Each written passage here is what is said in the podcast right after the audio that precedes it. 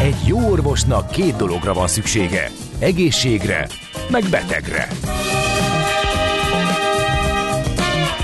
Folytatódik a minden hétköznap reggel jelentkező tünet együttes. Villás reggeli, a gazdasági Muppet Show. Mindennapi orvosság sorvadás ellen. Kérdezze meg orvosát, gyógyszerészét. A Millás reggeli főtámogatója a Schiller Flotta Kft. Schiller Flotta is rendtakár. A mobilitási megoldások szakértője a Schiller Autó tagja. Autók szeretettel. A Millás reggeli főtámogatója az idén száz éves Magyar Nemzeti Bank. Jó reggelt kívánunk!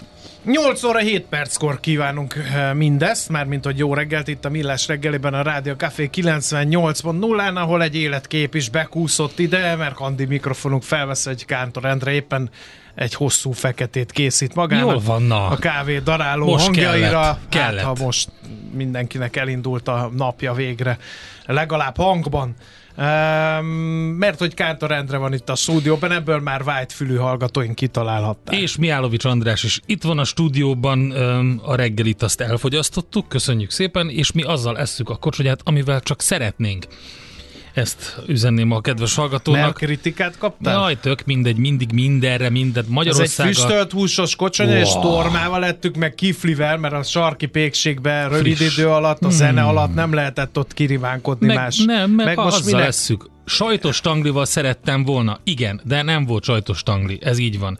De minden esetre nagyon szépen köszönjük Igen. Andinak ezt a kis reggelit, nagy reggelit. Igen, villás reggelit. Vével most kivételesen. 0 36-os 98 0 98 0 SMS, WhatsApp és Viber számunk is ez. Baleset a Dózsa György úton, a Váci út felé, az Ajtósi Dürer sor után a belső sávban. Ez egy gyors közlekedési információ, de adóvilág rovatunk van, e, úgyhogy erre készüljetek. A célkeresztben meg majd eláruljuk, hogy melyik ország lesz. Nézd meg egy ország adózását, és megtudod, kik lakják. Adóvilág. A millás reggeli rendhagyó utazási magazinja. Történelem, gazdaság, adózás, politika. Adóvilág. A pénz beszél, mi csak odafigyelünk rá. A vonal túlsó végén pedig Gerendi Zoltán, a BDO Magyarország ügyvezetője, adótanácsadó partnere. Szervusz, jó reggelt kívánunk! Jó reggelt, sziasztok! Na, hova kalandozunk? Ugye azt kell tudni, hogy a robotika vezető országait veszük gorcső alá. Egy darabig még, most ki van soron? Most Németországban Nocsak. soron, tehát Húha. így van, így van. Ők a, ők a negyedik legnagyobbak a robotikában. Egyébként ez a négyes szám nekik bejön, mert a világ negyedik legnagyobb gazdasága is tehát e, e, ilyen szempontból kerültek ők most sorra. Egyébként tavaly is foglalkoztuk velük, tehát viszonylag gyakran vannak napirenden, mert akkor a műtárgya kapcsán kerültek e, szintén így a látókörünkbe. De a lényeg az, hogy Németország számunkra tényleg napi téma, tehát itt az EU-n belül a vezető gazdaság, és azt is tudjuk, hogyha ők egyet körintenek, abban mi akár bele is betegedhetünk, tehát ez egy elég komoly, komoly összefüggés.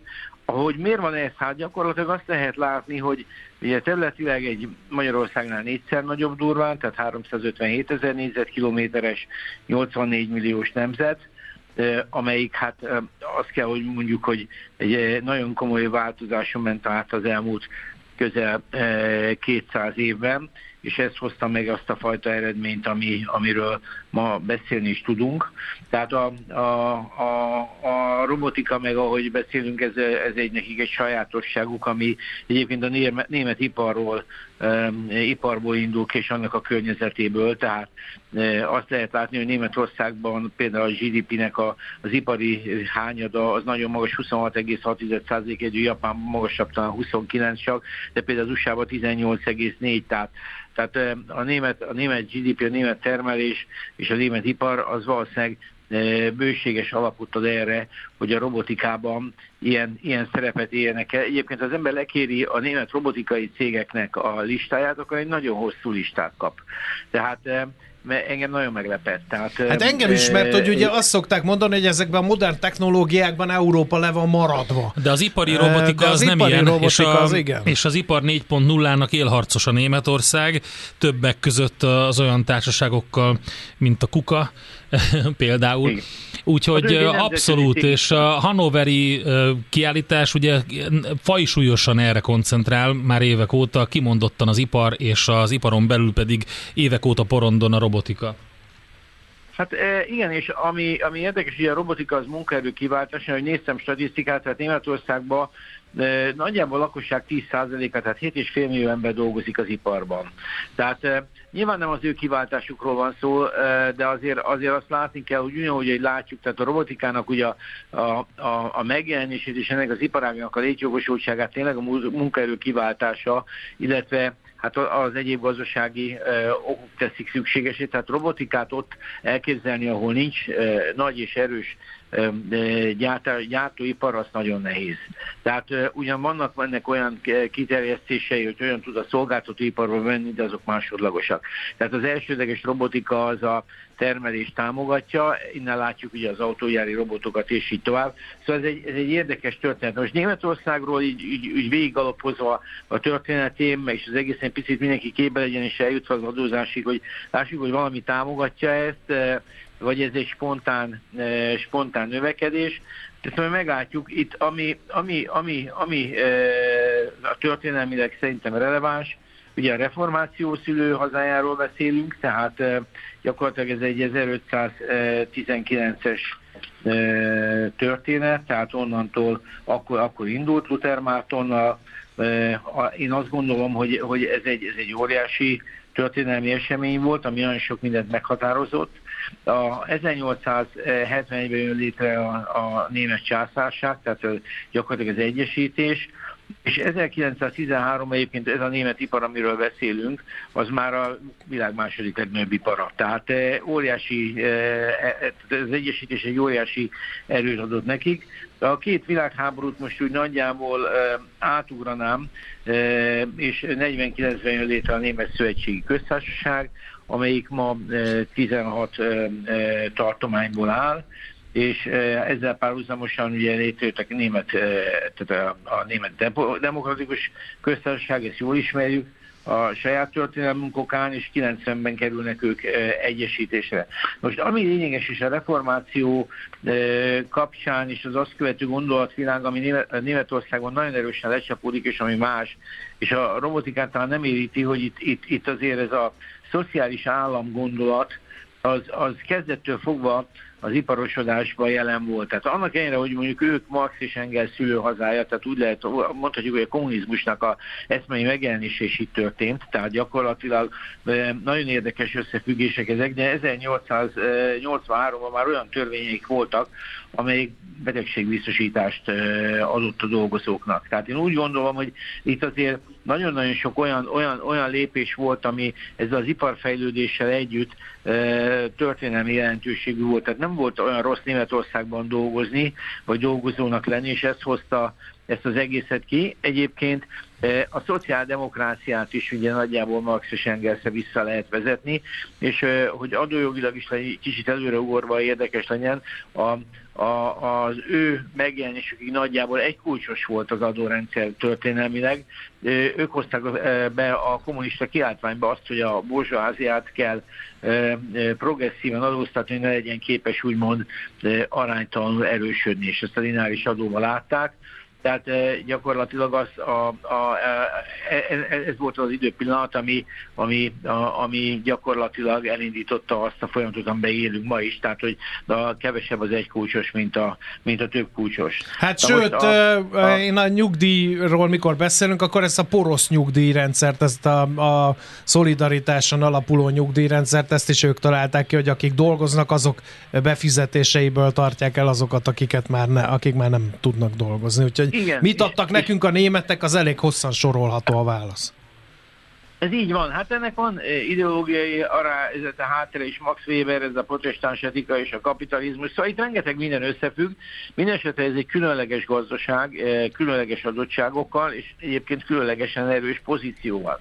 És eh, hát nyilván ez, ez adja ezt a, ezt a, ezt a sajátos helyzetet ami, ami, amit most a Covid-válság sok szempontból lehet olvasni, nyilván egy picit meg, e, megpiszkált. Tehát e, tavalyi évük az gazdaságilag nem volt annyira sikeres, Én úgy gondolom, hogy Németországban a politika is azért nagyon erősen összefügg a gazdasággal, tehát itt azért elnézést, hosszú évek teltek el, amikor a német ipar nem biztos, hogy kellően volt képviselve. Ez most azért a mostani kormányra nagyjából szintén kimondható, tehát nagyon nagy az elégedetlenség, és de ez egy probléma, de ennek most az, a mostani problémáiknak az egyik legnagyobb gondja az energia ár. Sokáig eh, mondták, hogy Németország az olcsó rossz eh, energiaforrásokra építve tudott eh, működni, ez biztos igaz. Néhány iparágnál látjuk is azt, hogy ez leépítésekhez vezet manapság, tehát a vegyipartól kezdve és így tovább, de ahol, ahol nagyon erős az energiának a közvetlen árhatása, de alapvetően Németország ismét idén már növekedést tervez, azt másfél százalékot, tehát úgy néz ki, hogy ezért ez a, ez a, ez a, ez a hát mi politikai vagy, vagy háborús helyzet, ha nem száll el még egyszer energiára, akkor Németország ebből is úgy nagyjából föl fog állni, és a pozíciója tovább fog erősödni. Tehát nagyjából azt lehet rá mondani, hogy gazdaságilag egy, egy óriási erős ország. Tavaly ugye a mezőgazdaság kapcsán beszéltünk a műtrágya miatt, de a 48% az országnak egyébként mezőgazdaságilag hasznosítható terület, és a 32 Hát tiltakoznak is most a gazdák, ugye Berlinben lehet látni a hosszú sorokat Igen. traktorokból kialakítva, úgyhogy, úgyhogy ott nagy súlya van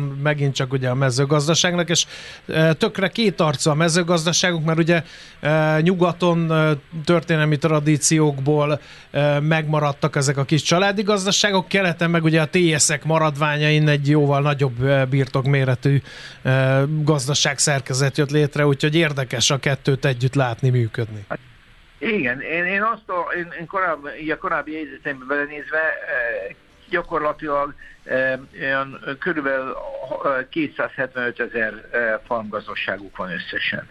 Tehát, és ezek ilyen 60 hektár fölöttiek, tehát ez, ez egy elég, elég, elég komoly komoly szám, de itt én úgy gondolom, hogy, hogy a, tehát a, a német gazdaságról órákat lehetne beszélni, e, és emiatt gyakorlatilag szerintem nincs is értelme így a mai adás kapcsán ezt így végelevezni, de egy biztos, hogy a, a, a robotikai pozíciójukat egyedül Kína tudja veszélyeztetni, amelyik az ötödik, e, és ott várható, hogy egy picit ebbe hátrébb kerülnek, de akik utánuk jönnek, tehát a hatodik Svájc, ami érdekes módon hetedik Szingapúr, nyolcadik Svédország, ők róluk beszélni is fogunk mind a következőkben, és a 9. Dánia és 10. Kanada ők már nem fognak most beleférni, de, ettől függetlenül ez egy nagyon-nagyon robusztus háttér. Na most az adórendszerét, ha megnézi az ember, akkor, akkor elsőre azt lehet mondani, hogy én, én azt gondoltam, hogy itt azért valami fajta vastag ösztönzés van, nincsen. Tehát a maga, önmagában a német adórendszer nem jó. Tehát ezt azért tegyük hozzá. Sok az adó, közel 40 adó van, és emiatt az ő text to GDP arányuk az gyakorlatilag 39,3 százalék, ami, ami, ami azért nyilván... Ez, ez mit jelent ez a mutató, hogy ö, mekkora az aránya a GDP-ből az adóknak? Igen, vagy? a GDP, amit egy ország termel, abból hány százalékot vonnak el adózás ja, terén. Aha, aha. Most az OECD átlag 34 százalék, ez azt jelenti, hogy mekkora az adóterhelés azon a GDP-n. Tehát most vehet egy ilyen, lehetünk egy ilyen, egy ilyen szimbolikus adókulcsot is. Tehát az össz megtermelt javaknak a 39,3%-át a költségvetés beszippantja és újra elosztja.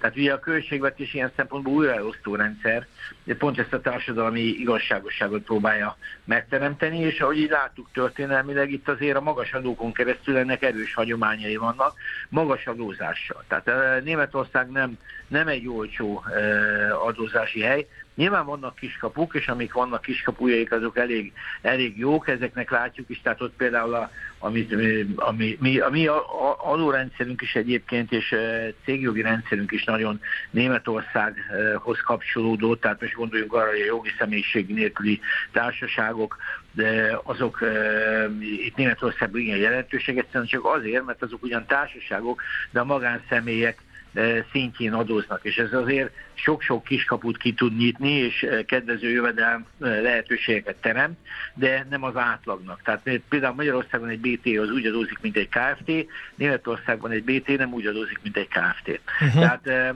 hanem magánszemélyek szintjén. És ez egy teljesen más modell, de ettől az adókulcsok és az összteher, most gondoljunk nagy iparvállalatokra, az, azért az, az, az, az, az magas. Tehát ez, ez, a, ez a szám ez ezt mutatja, hogy ők világviszonylatban is egy elég, elég, elég magas ország, tehát azt lehet mondani, hogy azért vannak még utánuk, tehát akik, akik, akik szintén még ennél magasabb elvonásokkal dolgoznak, beleértve mondjuk az Európai Unióból akár a, a, a dánokat, a belgákat, az olaszokat, finneket, Ausztriát, de még a franciákat is, tehát, de ezért ezek nem jó jelek. Na. Tehát ennek ez a lényege, tehát hogy a, ez azt jelenti, hogy nagyon magas az állami újraelosztás, és, és szóval kitől el kell venni, és hát ugye most jön az, hogy kitől is mennyit tudnak elvenni, és így jön be az, hogy mennyi, mennyik az adókulcsok.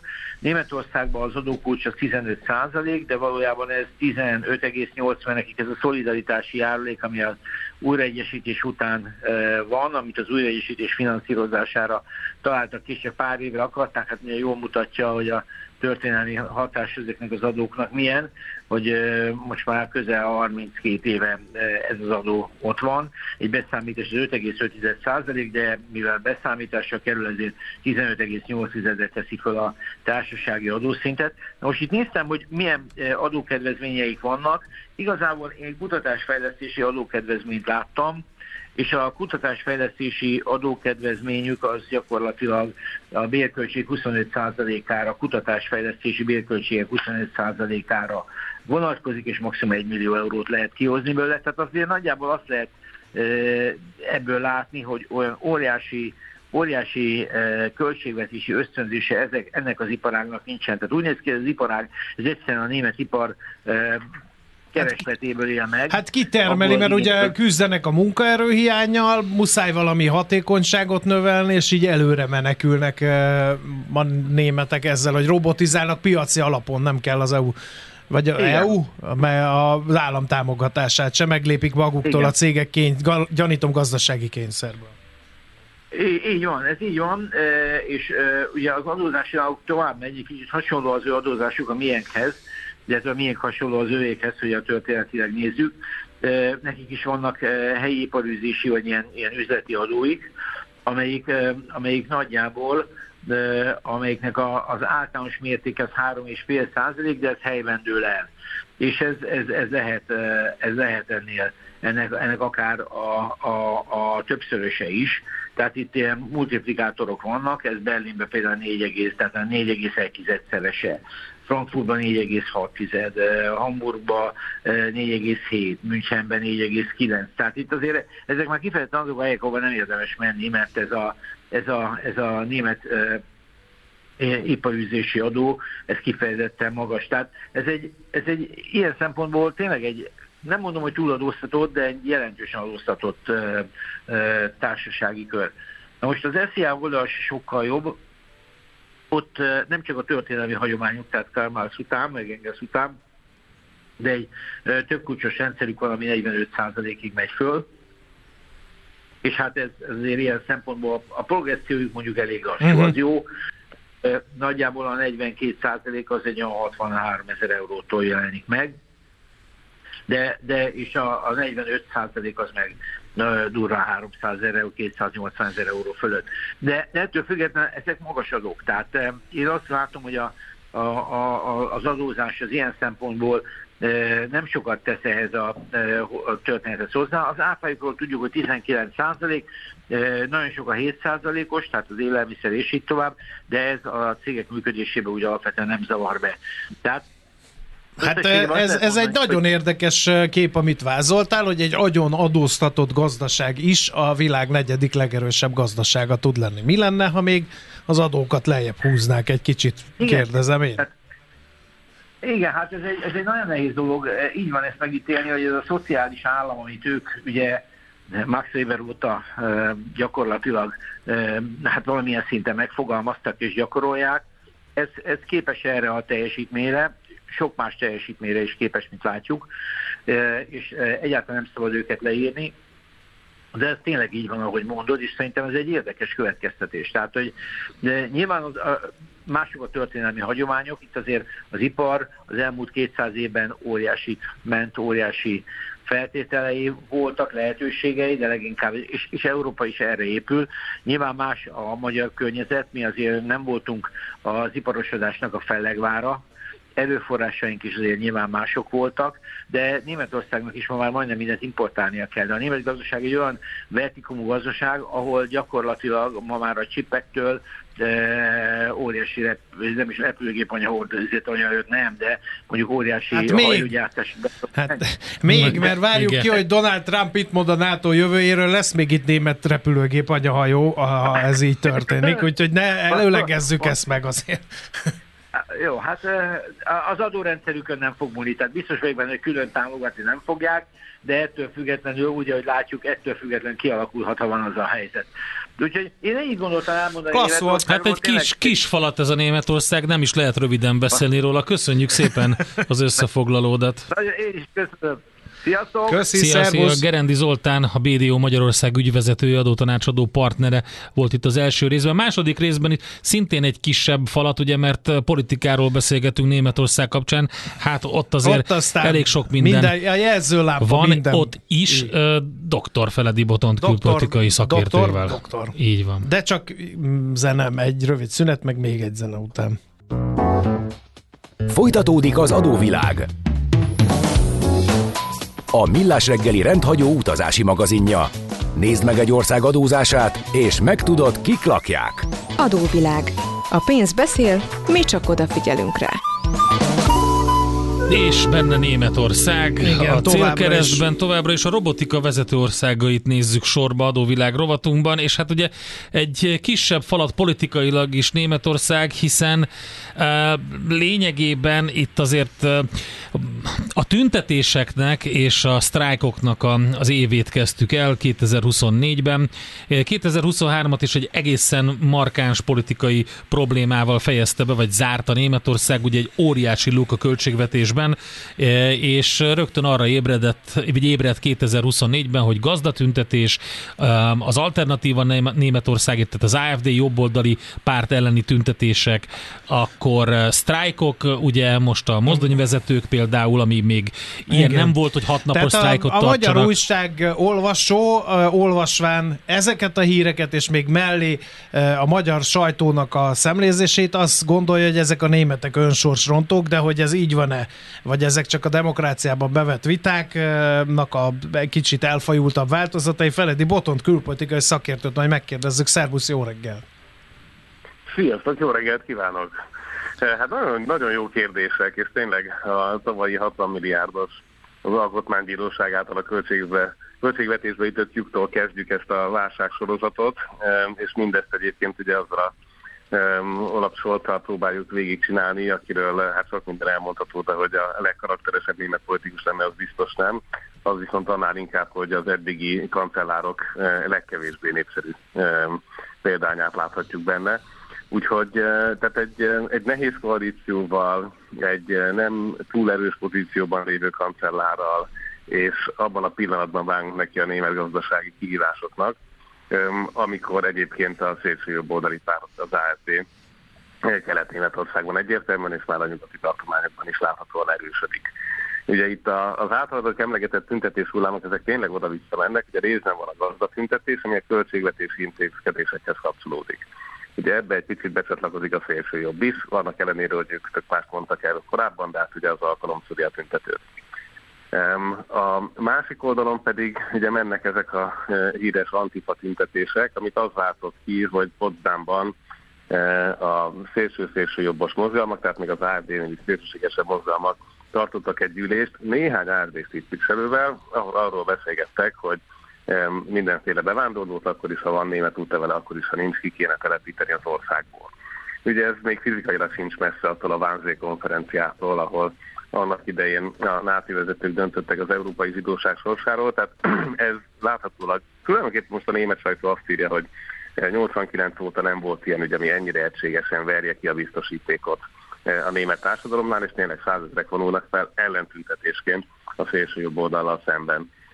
És hát aztán a, a többi gazdasági intézkedés kisebb-nagyobb csoportokat megszólít, ugye a német vasút amúgy is szeret tüntetni, tehát itt tényleg összeérnek ezek a szálak. Most igen, ebből kéne igen. valamit kibogozni. Na de ez egy bizonytalan, egy bizonytalan politikai helyzetet mutat, egy olyan egy bizonytalan gazdasági helyzetet, hiszen ugye a gazdáknak meg a mozdonyvezetőknek is ugye anyagi jellegi, jellegű követeléseik vannak. Egy olyan helyzetben, amikor erős gazdaságnak kéne lenni, és erős politikának, hiszen ugye itt van a szomszédjában, majdnem, hogy a szomszédjában Németországnak az ukrán konfliktus, és ugye veze, Európa vezető politikai és gazdasági hatalmaként, hát nem szabadna pont most bezárkóznia, mert számos kihívás éri, éri a külvilágból, ami a jövőjét befolyásolhatja nem csak Európának, hanem egész Németországnak is. Így van, köszönöm. Hát ez egy pontos helyzetleírás volt, és tényleg sem esélyük nincsen, és igazából talán azért a politikai szándék sem arról szól, hogy bezárkózzon, legalábbis a mainstream pártoknál biztosan. Ami kérdés az az, hogy a németek maguk mit gondolnak a gazdaságról, ez tulajdonképpen egy bő szélében növekvő percepciós szakadék. Mindenki más és a németek között mert hogy a németek tényleg azt gondolják, hogy nincs is akkora baj, és hogy köhög-köhög, de azért ezzel nincsen probléma. Egyébként pont most, amit mondtad az előző 10 percben, tehát úgy tűnik, hogy van olyan érték, ahol Japán át fogja venni, és a harmadik legnagyobb gazdaság lesz, igaz, az inkább a japán deviza leértékeléséről szól, mint a németek erősödéséről. Tehát papíron erős, egyébként vásárlóerőparitáson pedig egyáltalán nem ilyen dicsőséges pozíció, ha jól emlékszem, 20. hely körül van, és ugye megelőzi többek között Ausztria, meg Svédország, meg több EU-s tagállam. Tehát megint csak kérdés, hogy hogy nézünk egy országot, e, és a e, megtévesztő makromutatók mellett azért vannak egészen más mutatók is. Most a Dicájtnak adott Scholz egy interjút éppen a hétvégére olvasni valót, amiben újra előadja ezt, hogy a német gazdaság nincs is rosszul. Tehát ez egy egészen döbbenetes Na de ez kincstári optimizmus, vagy nem?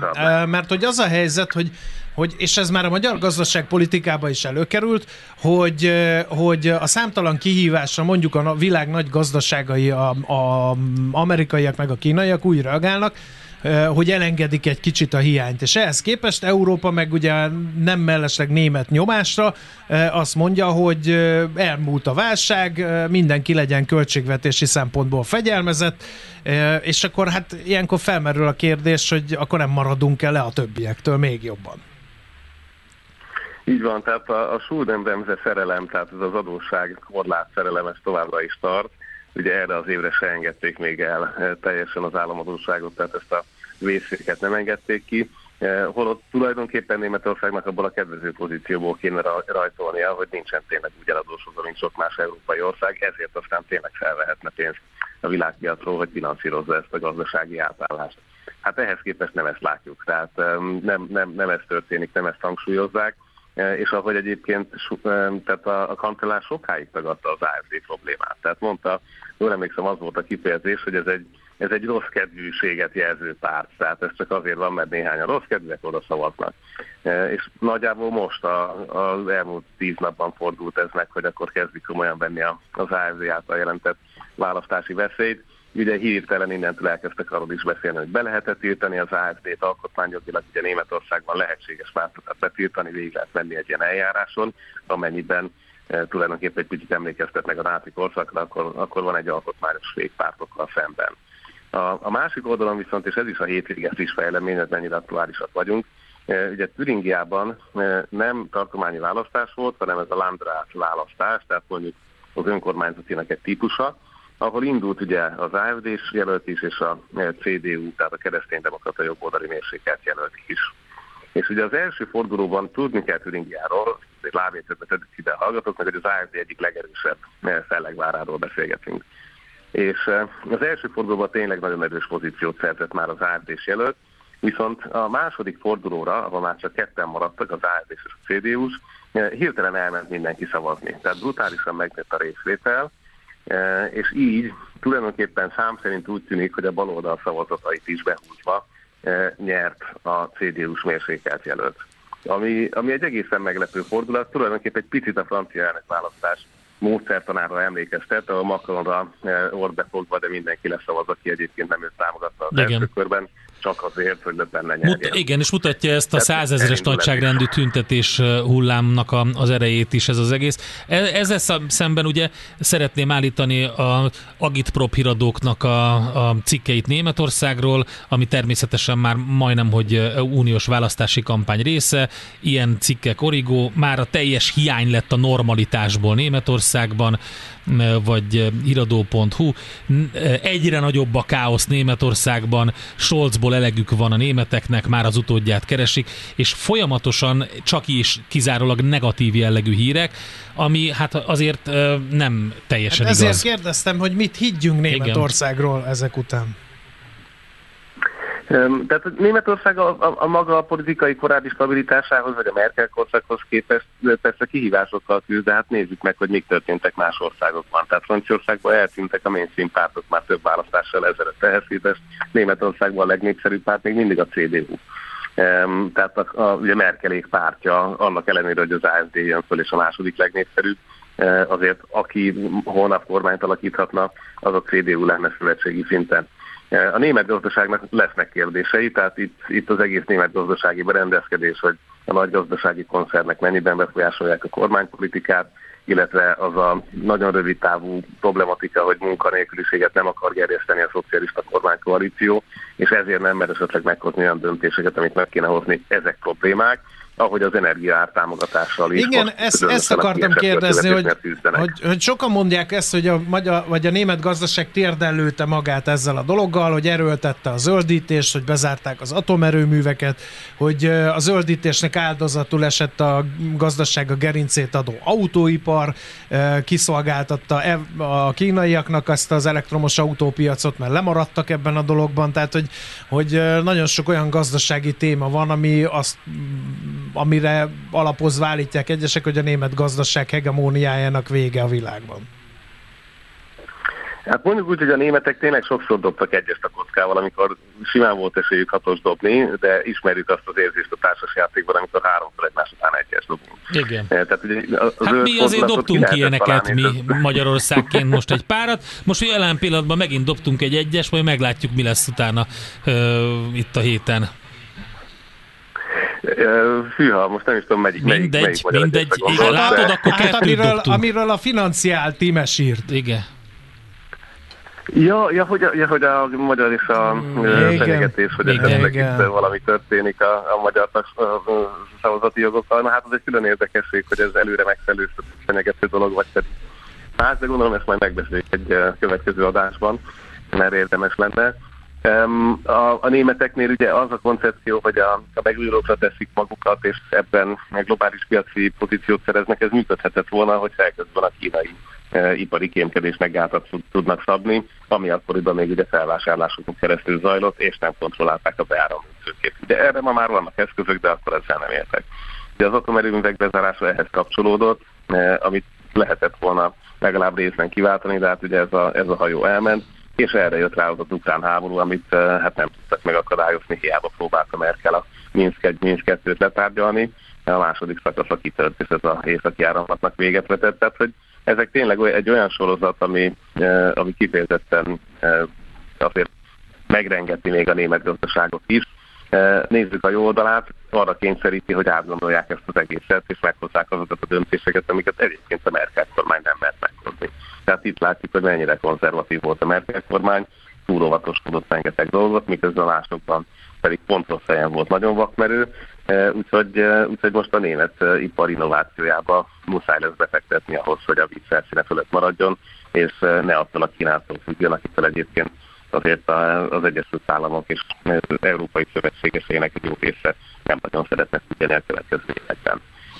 Hogy, tehát nem egy, nem egy lehetetlen küldetés, megvan a kapacitás, hát a politikai bátorságot kell összeszedni, és azt hiszem, hogy ehhez még kell egy kicsit e, rázni a, a szövetségi politikai választási dobozt, ez zajlik, és a választók pedig e, egyre inkább érzékelik, hogy, hogy itt kicsit több dologról van szó, mint, mint pusztán a migrációs kérdések, még akkor is, ha egyébként e, valóban több menedékkérő érkezett az országban, mint 2015 óta látható.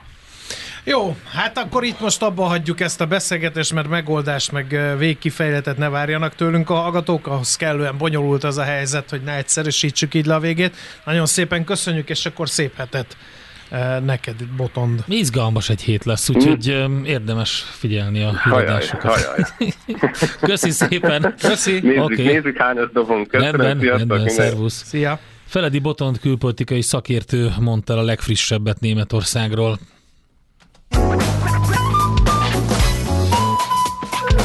Adóvilág. A Millás reggeli rendhagyó utazási magazinja hangzott el, ahol az adózáson és gazdaságon keresztül mutatjuk be, milyen is egy ország vagy régió. Adóvilág. A pénz beszél, mi csak odafigyelünk rá.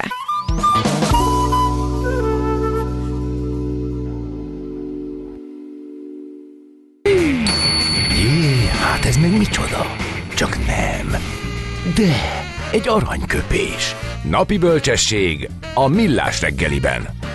Hm, ezt elteszem magamnak. 1950. január 29-én született Vámos Miklós, szerintem nem kell bemutatni őt, tőle választottunk aranyköpés tisztelgésül a munkásság előtt. A diktatúráknak mindig végük lesz. Vagy úgy, hogy szétrobbantja őket az ellenük forduló sokaság, vagy úgy, hogy halk és hosszú rothadással múlnak ki. Hát, igen. Hát nem tudom. Az a baj a halk és hosszú rothadásban, hogy az, az olyan, mint a... Az fáj.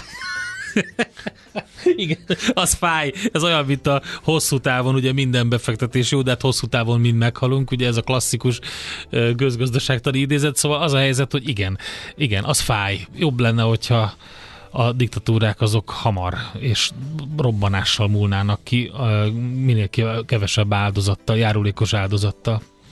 Igen. Na, mit írnak a hallgatók most, hogy ja, fú, megfejtettük fú, ezt az mindent. aranyköpést, mert nem volt időnk, módunk, terünk reagálni ezekre. Tallóz, kérlek szépen. Um, igen, a Németországról németek, írtak igen, a ez a összekötött többet is, igen. a történelem a németekkel.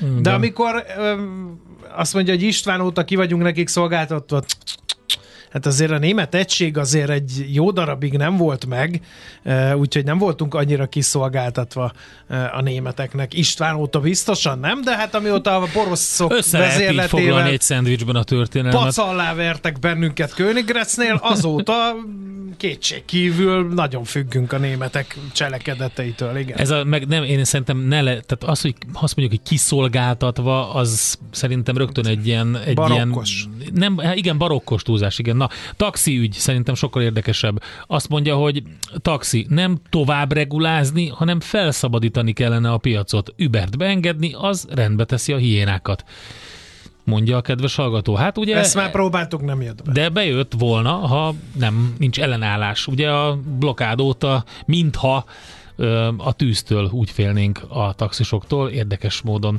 És igen, igen, az elején mondtam, amikor szemléztük ezt, hogy, hogy olyan, mint hogyha ez egy ilyen kampány része lenne már ez az egész, ezt mondtam, hogy ilyen szaga van, ennek ellenére beszámoltunk róla, mert um, érdekes folyamánya volt annak az ügynek, ami most megy csatározás a BKK főváros a és Vitézió között. azokról meséljél. A hatodikosok, mi igen, van? Nagyon Miért fontos, az egész nagyon fontos. falunkon ezzel foglalkoznak, hogy mi igen. van a hatodikosok. Tehát többen is felvetették, és teljesen igazuk van, a, hogy a hatosztályos gimi felvételi kifogásolt páronként egybevágós feladata, az megér egy misét. Ugye a mai napon 16 óráig lehet észrevételt küldeni az iskoláknak, akik továbbítják az oktatási hivatalnak, mert az iskolák eh, keze kötve. De a feladatszöveg nem egyértelmű, tehát a mai napon 16 óráig lehet észrevételt tenni. Az a lényeg, hogy a feladat szöveg nem volt egyértelmű a megfogalmazásban, és emiatt sok 12 éves bukik egy pontot. Többen, ugye kb. 8-10 ezer hatodikos írt felvételit ma, és többen is írtak a, a Drága hallgatók barátaim, közül. a taxis hiénákon kívül visszatérő az, hogy a felvételi után a szülők és a diákok felhördülnek, hogy ez a felvételi Jó, már megint meg milyen a brutális is volt. megírta, nem a brutalitásról nem, szól. Nem kétlem azt, amit a Telek megírt, de hogy nehéz volt, miért kell lesz, nem volt egyértelmű. Tehát, hogy én olyat, hogy lement a felvételi, majd mindenki András. csöndbe volt, olyat még nem láttam.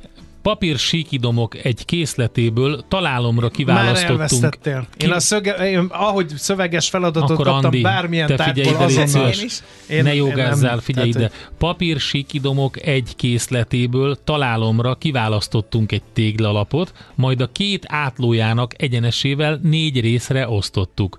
Az alábbi eseményekről döntsd el, hogy biztos, lehetséges, de nem biztos, vagy lehetetlen. A második állításról, amiről ezt el kell dönteni, így szól. A négy keletkezett rész páronként egybevágó. Tatám! És akkor itt már matematika tanárok, iskola igazgatók, fizika tanárok, és mindenki vitatkozik az, hogy mi a csuda az, hogy páronként egybevágó. Úgyhogy na most nem ez... nézzél. Én rávágtam, hogy igen. De... Rám igen. ne nézzél, mert én mondom. A helyes nyelvhasználatról Én már ott elvégeztem, hogy Tibinek van négy almája. Tehát itt én, kész, ennyi. Igen. Szóval ez nagy kérés, van egy Viszont név szerint fel tudtam sorolni a Mohácsi csata mindkét felének az összes résztvevője. A jók Tehát, meg a rosszak. De ez nem mi, nagyon segített. Ők. Igen. Az, azóta is így van, András. Magyarországon, hogy vagyunk mi, meg vannak ők. Na, az Arany Fakanál díjas Czoller Andrea fog híreket mondani. Köszönöm szépen. Mert olyan... Megszavaztátok? Finom volt, igen. igen. Apukámnak is szavazzuk, 40... mert a torma az az övé. Az nagyon jó. 43 szakács sapkás a, a kocsonyád. Köszönöm szépen. Nagyon finom volt, köszönjük szépen. Na, de nem csak a konyhában, hanem a stúdióban is észrevehető munkásságod, ezt hidd el nekem. Hallgat csak!